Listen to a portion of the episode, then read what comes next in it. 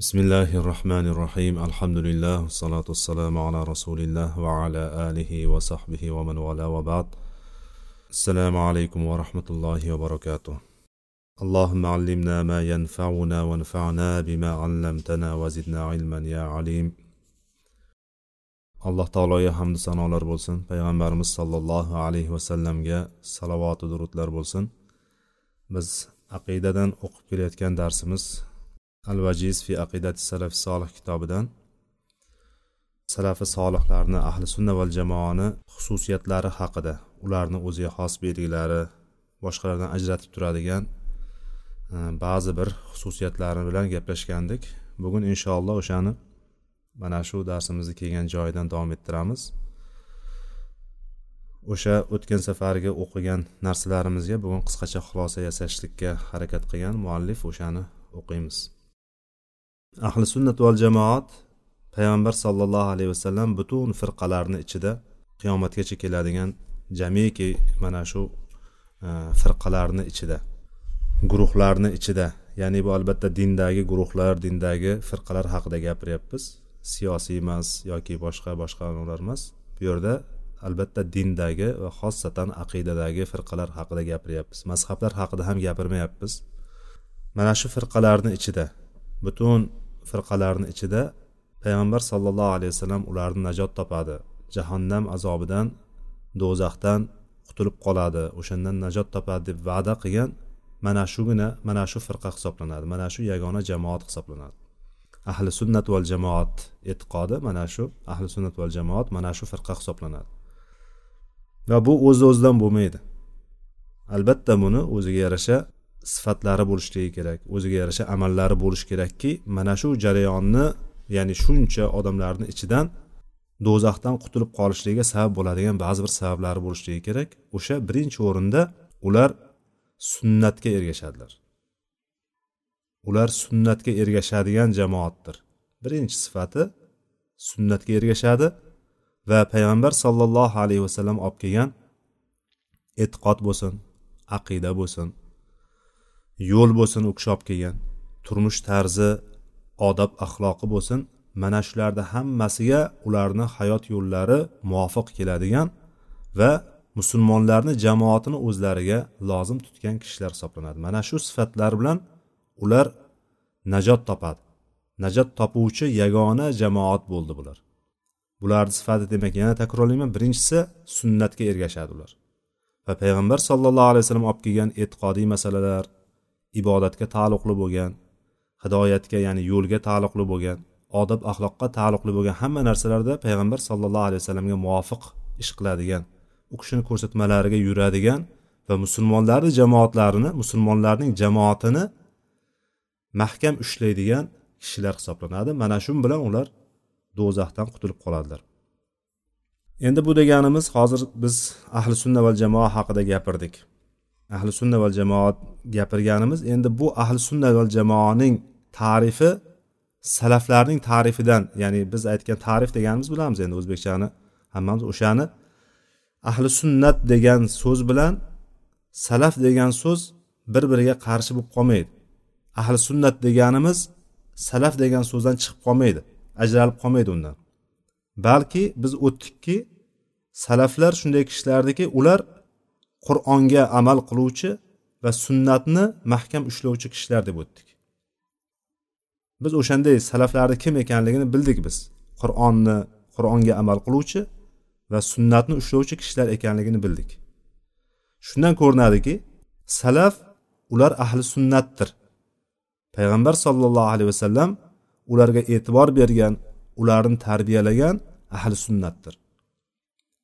Ahli sunna bo'ladigan bo'lsa salaf solihdir va ularni yo'liga yurgan kishilardir.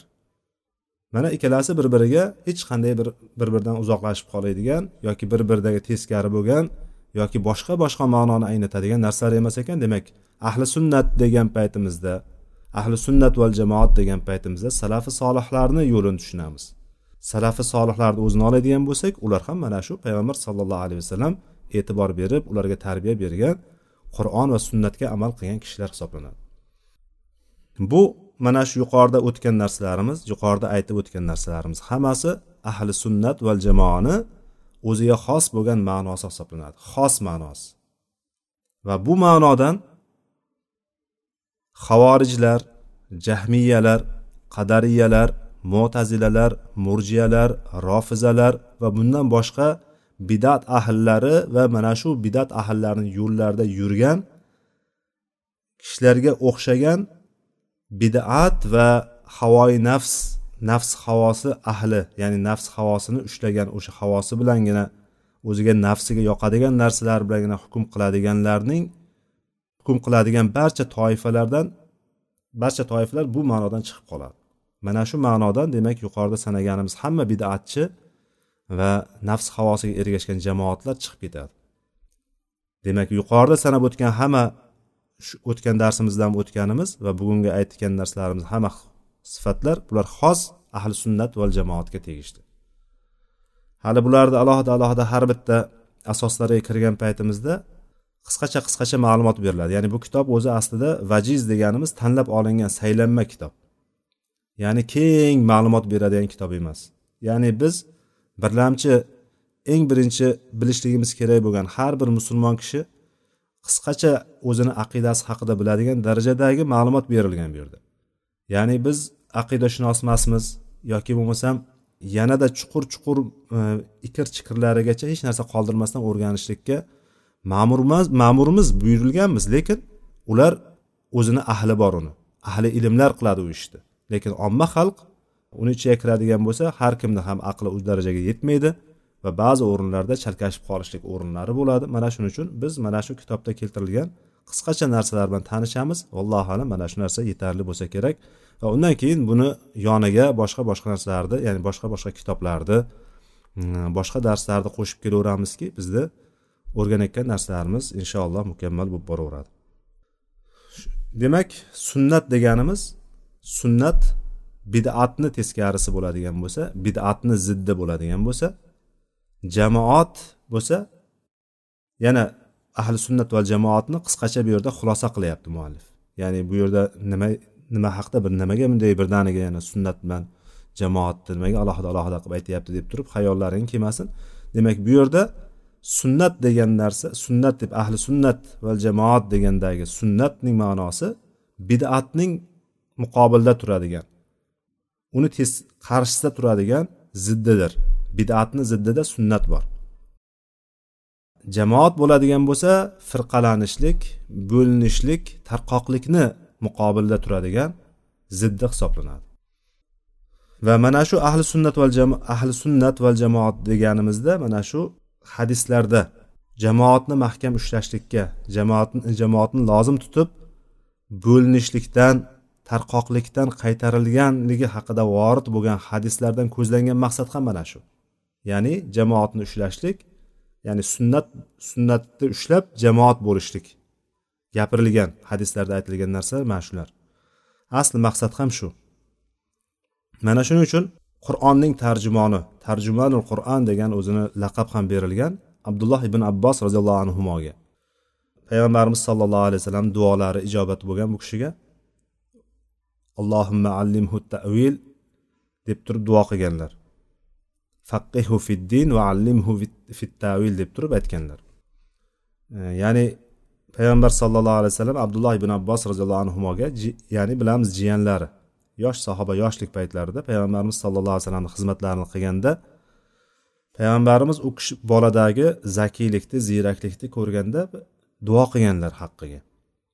Allohim bunga dinni o'rgatgin va tafsir ilmini bergin deb turib payg'ambarimiz sallallohu alayhi vasallam duo qilganlar va bizga qur'onda tafsirni yetkazib beruvchi sanoqli olimlarimiz sahobalardan sanoqli olim sahobalar bo'ladigan bo'lsa shulardan bittasi abdulloh ibn abbos roziyallohu anhu va undan keyingi kelganlar bu kishini tarjumanul qur'on degan laqabini berishgan bu kishiga. Habrul umma tarjumanul tarjumanul qur'on deb turib laqab berishgan tarjumanul qur'on ya'ni qur'onni tarjimoni qur'onni tafsir qilib beruvchi abdulloh ibn abbos roziyallohu anhu aytadilarki mana shu oyatda yavma tabyaddu vujuhu va tasvaddu vujuh oli imron surasini bir yuz oltinchi oyatda kelgan oyat tafsirida tabyaddu vujuhu ahli sunna val jamoa va tasvaddu vujuhu ahli bidati val furqa deb turib aytgan ekanlar. Ibn kasirni tafsirlarida kelgan ekan bu. Bu oyatda qiyomat kunida ba'zi insonlarni yuzlari yorug' bo'ladi. Yuzlari oppoq bo'ladi nurafshon bo'ladi va ba'zi kimsalarni yuzlari bo'ladigan bo'lsa qop qora bo'ladi tim qora bo'ladi deb turib alloh taolo o'sha kunni tasvirlaganda insonlarni yuzlaridagi holatlar insonlarni holatlarini qisqacha qilib tafsir bergan undan keyin davom etadi. Ya'ni bu oyat davomi biz oyat davomiga emas mana shu qismidagi e, ya'ni bu yerdan o'zi umumiy olgan paytimizda yuzi nurli ekan deydigan bo'lsa bizni xayolimizga bizni aqlimizga nima keladi? Yomon odam keladimi yo yaxshi odam keladimi? Yuzli nurli odam ekan nurafshon odam ekan deydigan bo'lsa albatta bizni ko'zimizni oldida bir chiroyli bir siymo yaxshi bir inson gavdalanadi. Ha yuzi tim qora ekan yuzi qop qorayib ketgan ekan qop qora yuzli qop qora yuzli deb turib rangini aytmayapti bu yerda qora yuzli ekan yuzing qora bo'lsin deb turib aytganimizda albatta yomon holatdagi inson ko'zimizni oldida gavdalanadi. Bu yerda ham xuddi shunday ya'ni insonlar ikkiga bo'linib qolishligi. Aytilgan oyatda ibn abbos roziyallohu anhu aytgan ekanlarki ahli sunnat val jamoatni yuzlari ya'ni ahli sunna val jamoa kishilarining yuzi oppoq bo'ladi o'sha kunda. Va bidat ahli va tafriqa bo'linishlik tarqoq bo'lgan kishilarning mana shu yo'lda bidat bidat yo'lida yurgan tafriqa yo'lida yurgan kishilarning yuzlari esa qop qora bo'ladi deb turib tafsir qilgan ekan bu kishi. Ya'ni o'sha kunda e'tiqodiy jamoatlarni nazarda tutilyapti deb turib bu kishi mana shunday tafsir bergan ekan. Roziyallohu anhu salafi solih lafzi istilohda ahli sunna va jamoa bilan bir xil ma'noda ishlatiladi. Ya'ni sinonim. Salafi solih deydigan paytimizda hayolimizga ahli sunna va jamoat kelishligi kerak. Ahli sunnat val jamoat degan paytimizda salafi solih nazarda tutishligi kerak. Ya'ni xuddi shunday ishlatilgan. Salafi solih bilan ahli sunna val jamoa istilohiy ma'noda ular sinonim hisoblanadi. Bir ma'noni ifoda qiluvchi so'zlar hisoblanadi. Xuddi shuningdek ahli sunna val jamoani boshqa nomlar bilan ham atalganligi kelyapti ahlul asar. Asar ahli ahlul hadis hadis ahli va toifatul mansura nusratlangan yordamlangan toifa val firqatun najiya najot topuvchi firqa va ahlul ittibo ittibo ya'ni ergashuvchi ergashuvchilar ahli payg'ambar sallallohu alayhi vasallamga ergashuvchilar ahli. Val g'uraba deb turib g'urabo ya'ni g'ariblar deb turib atalgan nomlari kelgan ekan.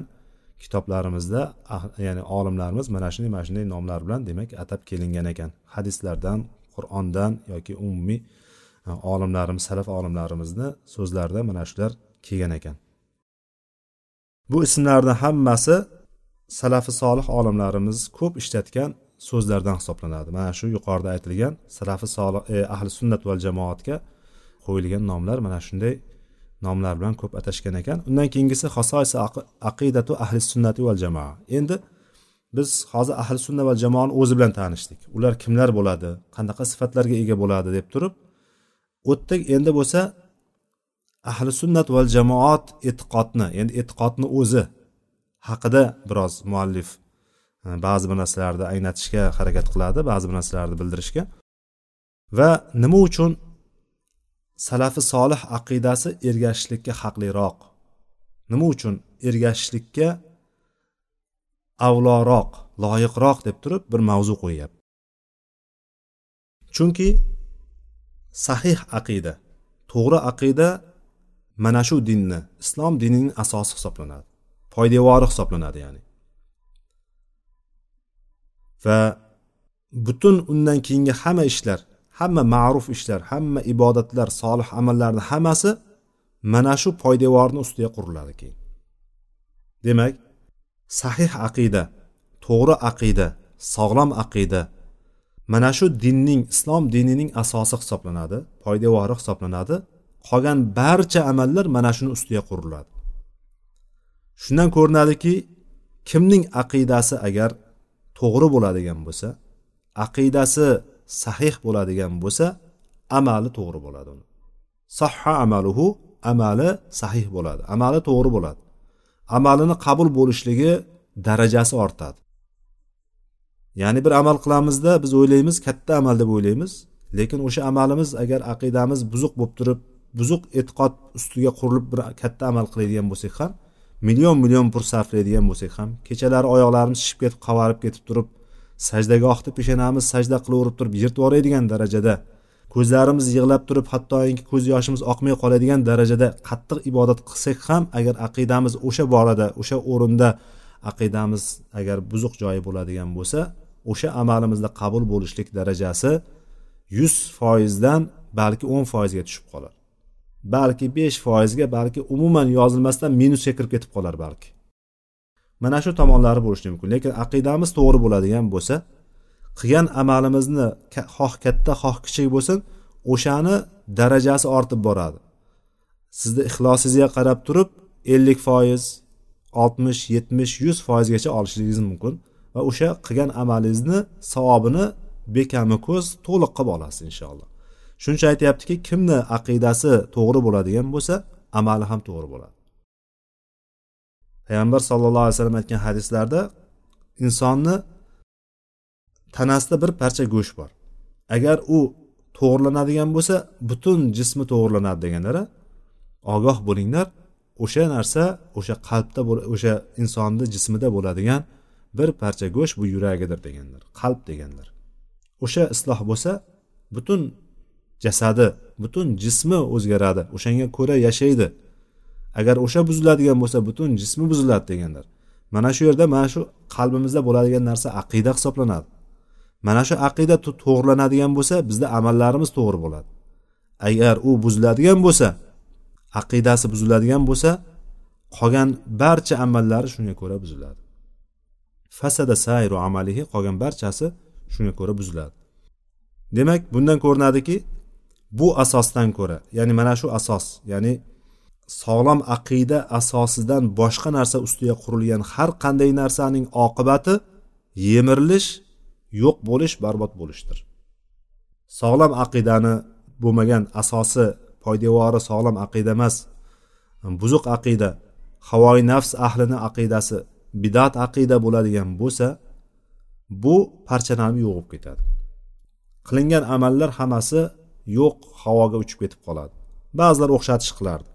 O'sha aqd so'zini tugun degan ma'nosini olib turib inson solih amallarini hammasini qilayotgan yaxshi amallarni mana shu bir idishga bir qopga soladida og'zini bog'laydi deydi.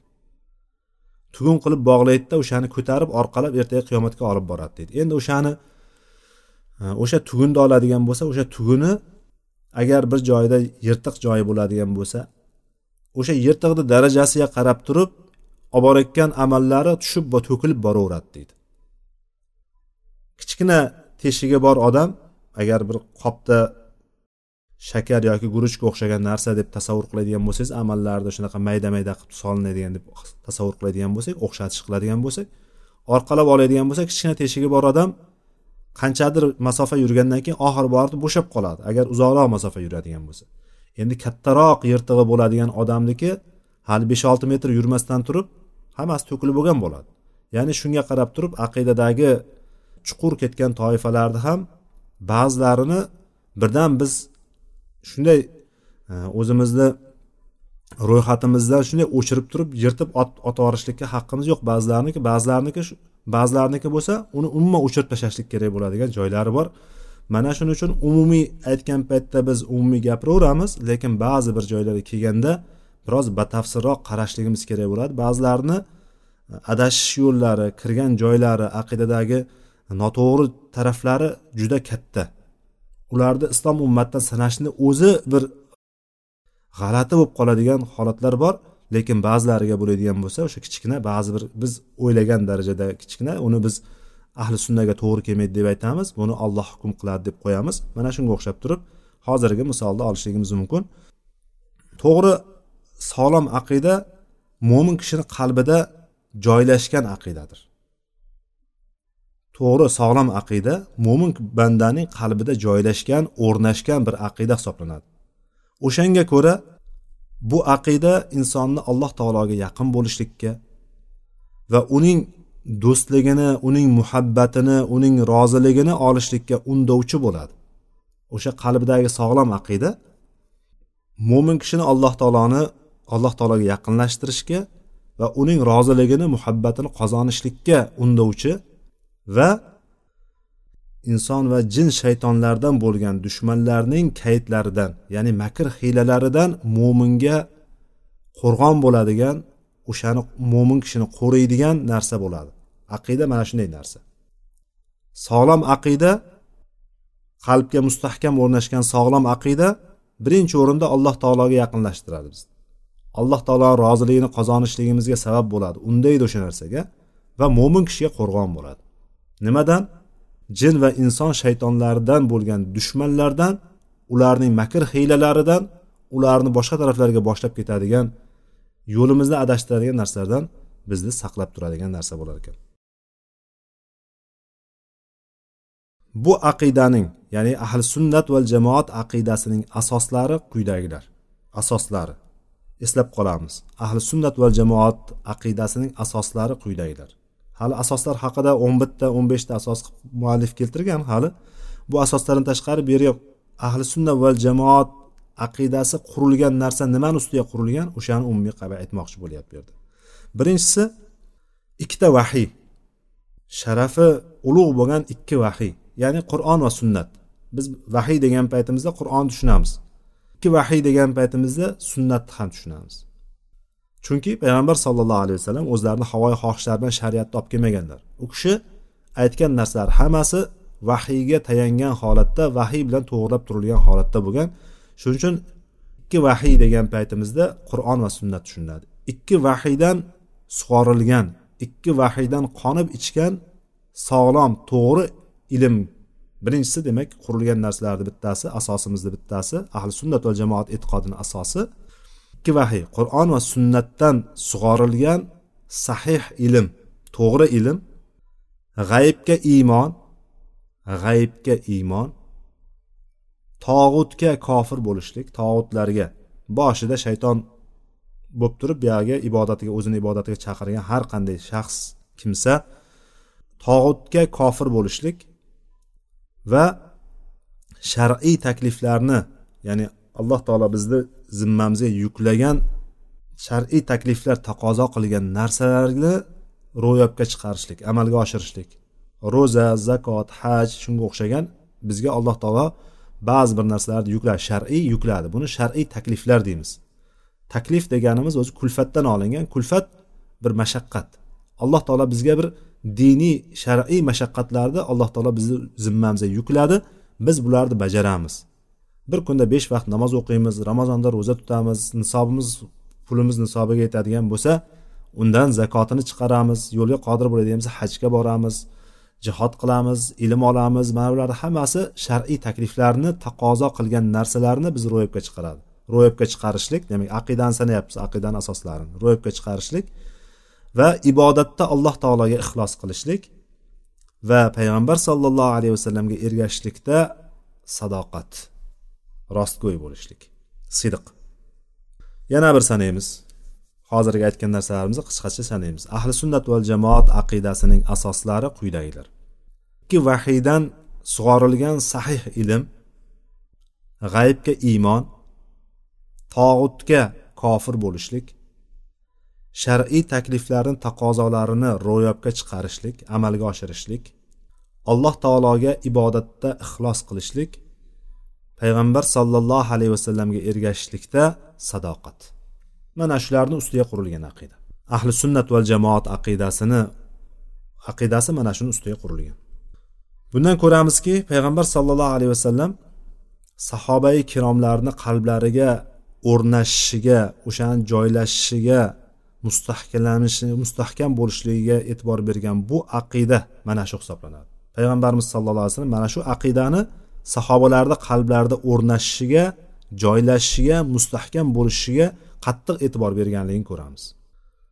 Va ularni butun umrlari davomida payg'ambar sallallohu alayhi vasallam butun umrlari davomida sahobalarni mana shu aqidaga ko'ra tarbiya qildilar. Va mustahkam bir qoida asosida ulg'ayuvchi ulg'aygan bir jamoani hosil qilishlikka harakat qildilar payg'ambar sallallohu alayhi vasallam. Va qur'on ham qur'on ham o'n uch yil makka davrida o'n uch yil makka davri ya'ni payg'ambarlik payg'ambarlik kelgandan keyin o'n uch yil davomida payg'ambar sallallohu alayhi vasallam da'vat qildilar islomga. Uni bilamiz boshida maxfiy da'vat bor undan keyin oshkora da'vat bor mana shu o'n uch yil davomida qur'on makkada nozil bo'ldi. Bitta narsa haqida bitta masala haqida boshqa hech qanaqa masalalarga kirmasdan bitta masala haqida gapirib turdi qur'on. Bitta masala. E'tibor qiling o'sha masala qodiyatul aqida aqida masalasi edi. Bu bitta masala qur'on o'n uch yil davomida bitta masalani davolashlikka bitta narsani muolaja qilishlikka qaratilgan butun narsa hammasi oyatlar hukmlar hammasi shunga qarab tushdi. O'sha masala aqida masalasi edi. Va shirkdan va uning turlaridan shirkning turlaridan ogohlantirish masalasi edi. Endi bir tasavvurimizni keltiraylik o'sha kunga. Payg'ambar sollallohu alayhi vasallam davriga keltiraylik. Payg'ambar sollallohu alayhi vasallam davrida dindan insonlar juda uzoqlashib ketgan jaholat botqog'iga botib ketgan qilinmagan ish aytilmagan so'z tarixda ko'rilmagan narsalarni hammasi o'sha paytda bo'lgan. Butlarga sig'inishlik insonlarda eng katta sharafli narsalar bo'lgan. Mana shu kunda mana shunday jaholat botqog'iga botib yotgan holatida islom dini keldi. Islom dini kelgandan keyin payg'ambar sollallohu alayhi vasallamdek go'zal xulqli notiq bo'lgan har bir narsani chiroyli suratda yetkazib beradigan u kishini shunday tashqi ko'rinishi shunday turishini o'zi bir dars bo'lgan kishiga alloh taolo vahiy tushirdi. Va bu kishi shunday zot bo'lishligiga qaramasdan turib o'n uch yil davomida o'n uch yil hozir e'tibor qiladigan bo'lsak o'n uch yil bitta masala ko'tarildi o'rtaga qo'yildi. Qur'on faqat mana shu masala haqida gapirdi. Bundan boshqa masalaga chiqilmadi. O'sha masala aqida masalasi edi. Aqida masalasi o'zini ichiga alloh taologa ibodat qilishlikni faqat allohgagina ibodat qilishlikni va shirk va uning turlaridan uzoq bo'lishlikni oladi o'zini ichiga. o'n uch yil. Kichkina muddat emas aytib yuborayotgan paytimizda o'n uch yil deb yuboramiz. Lekin bunday olib qaraydigan bo'lsak o'zimizni hayotimizdagi islomda dinda mustahkam bo'lganimiz ibodatni to'la to'kis joyiga keltirib boshlaganimizni hisoblaydigan bo'lsak mana shu o'n uch yildan yo yetadi o'n uch yilga yoki yetmaydigan darajadagi bizni holatimiz bor o'zi aslida. Lekin payg'ambar sollallohu alayhi vasallam mana shu o'n uch yil davomida makka davrida faqat bittagina aqida masalasini yetkazib turdilar. Qur'on ham mana shunga qarab tushdi. Demak aqida masalasi o'yinchoq masala emas ekan kichkina masala emas ekan. Shundaygina bir o'qib qo'yadigan bo'lsa qalblarga joylashib qolaveradigan masala emas ekan. Aqida hayot masalasi insonni turmush tarzi masalasi aqida insonni qalbiga mustahkam yerlashib joylashib ketadiki o'shan bilan uni insonni hayoti o'zgaradi o'shanga qarab turib buriladi insonni hayot. Bo'lmasa buyoqdan o'qigan bilan matnlarni yodlagani bilan borib turib o'qituvchiga topshirgani bilan domlaga topshirgani bilan ish bitmaydi. Hayot tarzimiz o'zgarmayaptimikan turmush tarzimizga ta'sir qilmayaptimikan o'qiyotgan aqidamiz ta'sir qilmayaptimikan demak bu narsa biz o'qiyotgan aqidamiz faqat o'qishlikkina va domla uchun o'qishlikkina bo'lib qoladi. Hattoki ba'zi bir o'rinlarda inson hayron qoladiki o'sha aqidadan dars berayotgan olimlarimiz aqidadan dars berayotgan domlalarimiz deylik to'g'riroq olimlar emas chunki innama yaxshalloh min ibadihil ulama. Bandalarni ichida allohdan haqiqiy qo'rquvchilar olimlar bo'ladi. Biz to'rtta narsani bilgan odamga yoki butun qur'onni yodlagan odamga yoki butun fiqh masalalarini hammasini o'rganib chiqqan odamga biz olim deymiz umumiy tarzda. Lekin ollohdan qo'rqadigan ilmi bo'lmaydigan bo'lsa ollohdan ollohni tanishlik narsasi bo'lmaydi qalbida bo'lmaydigan bo'lsa har qancha olim bo'lmaydimi? Olim demaymiz biz uni. Chunki olimni sifati faqatgina bandalarni ichida faqatgina ollohdan qo'rqadigan kishilar olim kishilar bo'ladi. Siz to'rtta narsani biling o'shani hayotingizga tadbiq qiling. O'sha masalada sizdan ko'ra olimroq kishi bo'lmaydi. Bir kishi bilishligi mumkin ko'p narsa bilishligi mumkin. Juda katta katta narsalarni masalalarni bilishligi mumkin. Lekin o'sha bilgan narsalarni qanchasiga amal qilyapti qancha amal qildingizmi bitta narsaga amal qilib boshladingizmi o'sha ilm sizniki hisoblanadi. O'sha narsa sizniki. Amal qilmayapsizmi har qancha yoddan biling u sizniki emas. Ertaga vallohu alam alloh saqlasin ertaga agar amal qilmasdan kerak bo'lsa paymol o'sha narsalarni poymol qilib turib alloh huzuriga boradigan bo'lsangiz o'sha bilgan narsangiz bilan alloh taolo azoblaydi sizni. Nima uchun? Senga shuncha narsani berdim nimaga amal qilmading nimaga insonlarga o'rgatmading? Insonlarga o'rgatdim deydi lekin o'rgatganing bilan o'zing amal qilmadingku deydi. Mana shu holat bo'lib qolishligi mumkin. Demak aqida masalasi kichkina masala emas. Qur'on o'n uch yil davomida faqat mana shu masalani davolashlik bilan ovora bo'lgan bo'lsa payg'ambar sallallohu alayhi vasallam o'n uch yil davomida faqat mana shu narsani insonlarni qalbiga joylashtirishlik insonlarni tarbiyalashlikka sarflagan bo'ladigan bo'lsa demak biz bundan ming chandon bunga haqliroqmiz bu aqidani o'rganishlikka ming chandon aqidani hayotimizga tadbiq qilishga haqliroqmiz va ichimizda payg'ambar sallallohu alayhi vasallamdek notiq bo'lgan o'qishni kishini xulqidek xulqli insonlar yo'q bo'lganligi uchun balki topilar yo'q bo'lganligi uchun insonlarga aqidani kirib kelishligi qiyin bo'lyapti qalblarga o'rnashishi qiyin bo'lyapti. Demak bizni vazifamiz mana shunga qarab turib ko'proq harakat qilishligimiz ekan. Shuning uchun payg'ambar sallallohu alayhi vasallam yana kitobga qaytyapman. Payg'ambar sallallohu alayhi vasallam makkada faqat o'shangagina da'vat qildi. O'n uch yil turgan bo'lsa makkada payg'ambar sallallohu alayhi vasallam ya'ni payg'ambarlik kelgandan keyin ellik uch yoshlarigacha makkada turgan bo'lsalar faqatgina shu aqidaga da'vat qildi aqida masalasiga da'vat qildilar. Va sahobalarni mana shunga ko'ra shuni ustida tarbiyaladilar. Zotan bu narsa inson va jinlarni yaratilishligida payg'ambarlarni jo'natilishligida kitoblarni nozil bo'lishligidagi eng katta g'oya mana shu edi. U ham bo'lsa alloh taoloni ibodatda yakkalashlik tavhidulloh edi. Mana shu edi.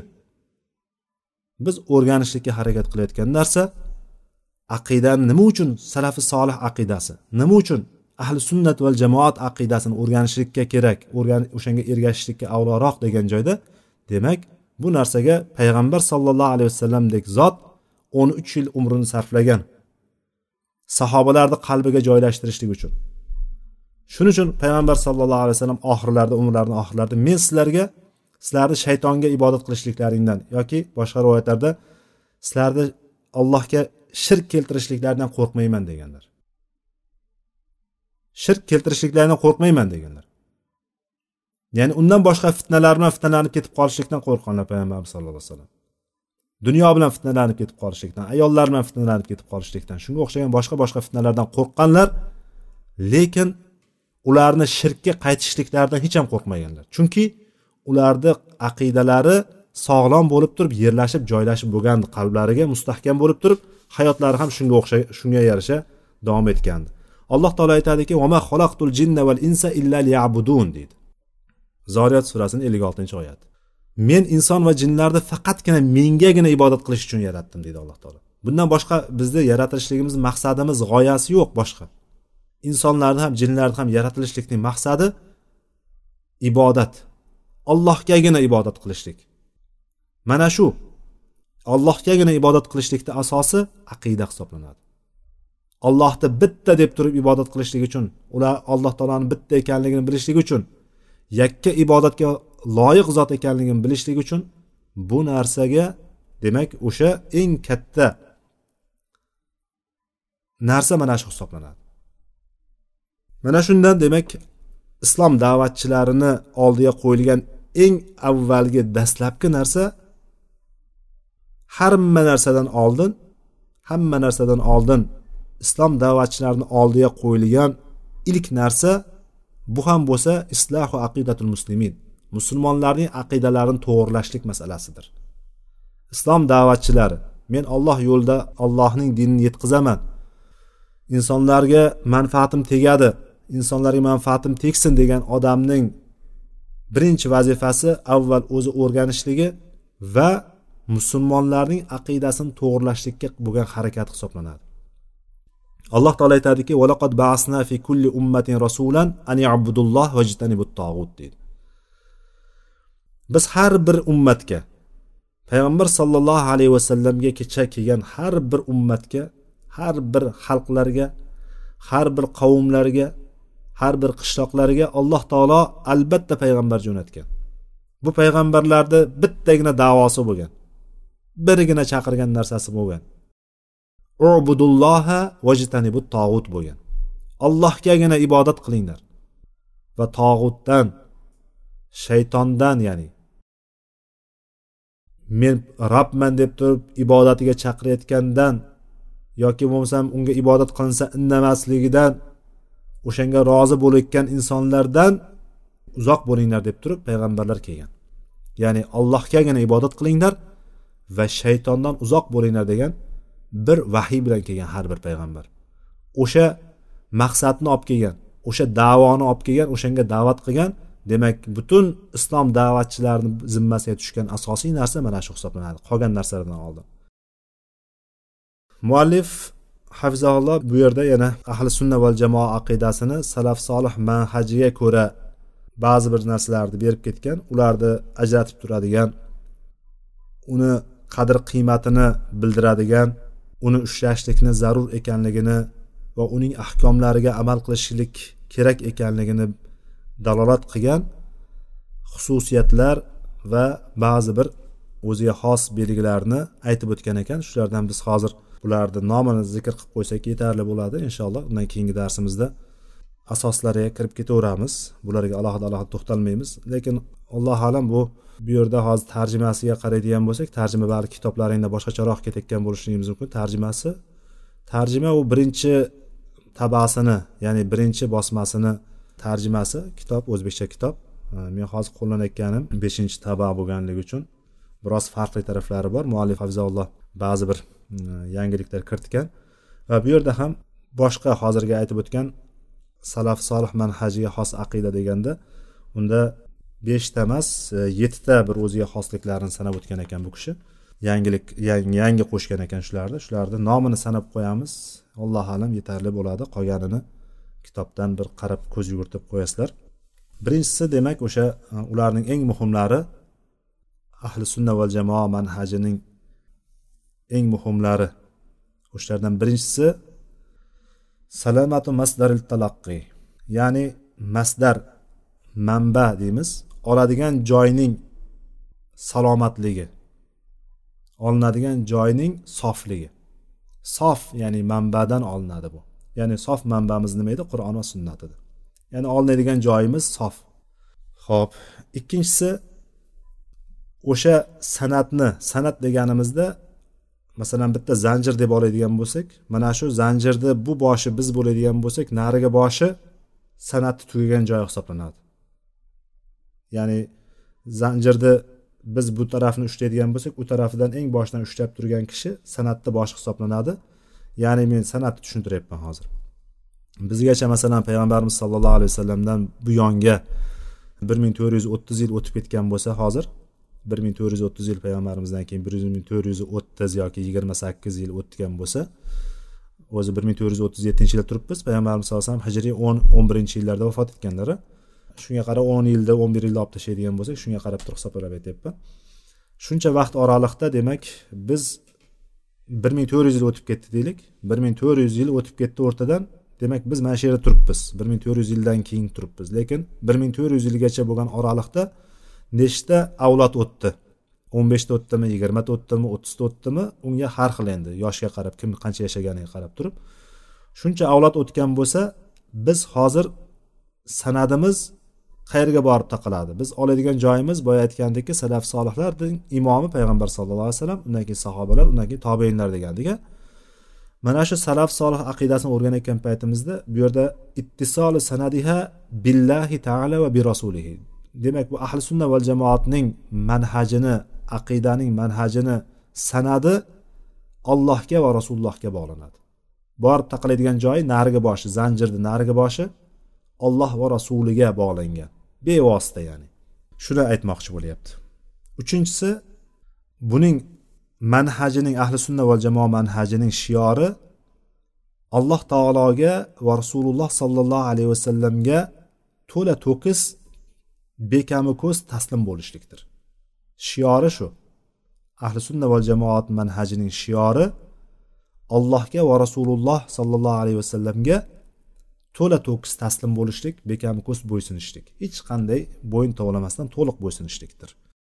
To'rtinchisi ochiqlilik vuduh degani o'sha ochiq ravshanlik bayon qilinganlik yengillik va qulaylik. Yengillik va osonlik ya'ni. Bu aqidaning bu yo'l ahli sunna va jamoaning aqidasini manhaji demak ochiq ravshan bayon qilingan yengil va qulaydir. Beshinchisi tavhid. Demak birlashishlik. Jamoat bo'lishlik.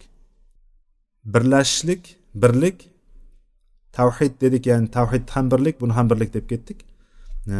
Ya'ni ikkalasi ham ayni ma'noda ya'ni birlik jamoat va g'oliblik nusrat. Mana shu asosiy anosi. Beshinchisi demak birlik jamoat bo'lishlik birdamlik va nusrat. Oltinchisi boqiylik. Qiyomat kunigacha qoladi deganlar payg'ambarimiz sallallohu alayhi vasallam shundan kelib chiqyaptiki boqiylik sabot mustahkam turishlik va istiqror sabot bilan turishlik istiqror ham xuddi shunday. Va shumul keng qamrovlilik. Yettinchisi bo'lsa bu ahli sunna val jamoaning manhaji ahli sunna val jamoaning e'tiqodi alloh taologa yaqinlashtiruvchi sabablarning eng ulug'i hisoblanadi. Va uning alloh taoloning roziligini olishlikni va jannatini qozonishlikni va najotni olib azobdan uzoq bo'lishlikning eng ulug' sabablari hisoblanadi ekan. Mana shu ahli sunna va jamoa e'tiqodining asoslari. Mana shu bilan inshaalloh bugungi darsimizni nihoyaladik keyingi darsimizdan asllarga kiramiz. Usuli aqidati salafi solih ahli sunnat val jamoat aqidasining asoslari usullari degan mavzuga kiramiz. Bundan birinchi asos bo'lgan iymon va uning rukunlari haqida inshaalloh keyingi darsimizdan davom ettiramiz. Allohu alam. Subhanakallohumma اللهم ashhadu an la ilaha illa anta astag'firuka va atubu ilayk. والسلام alaykum va rahmatullohi va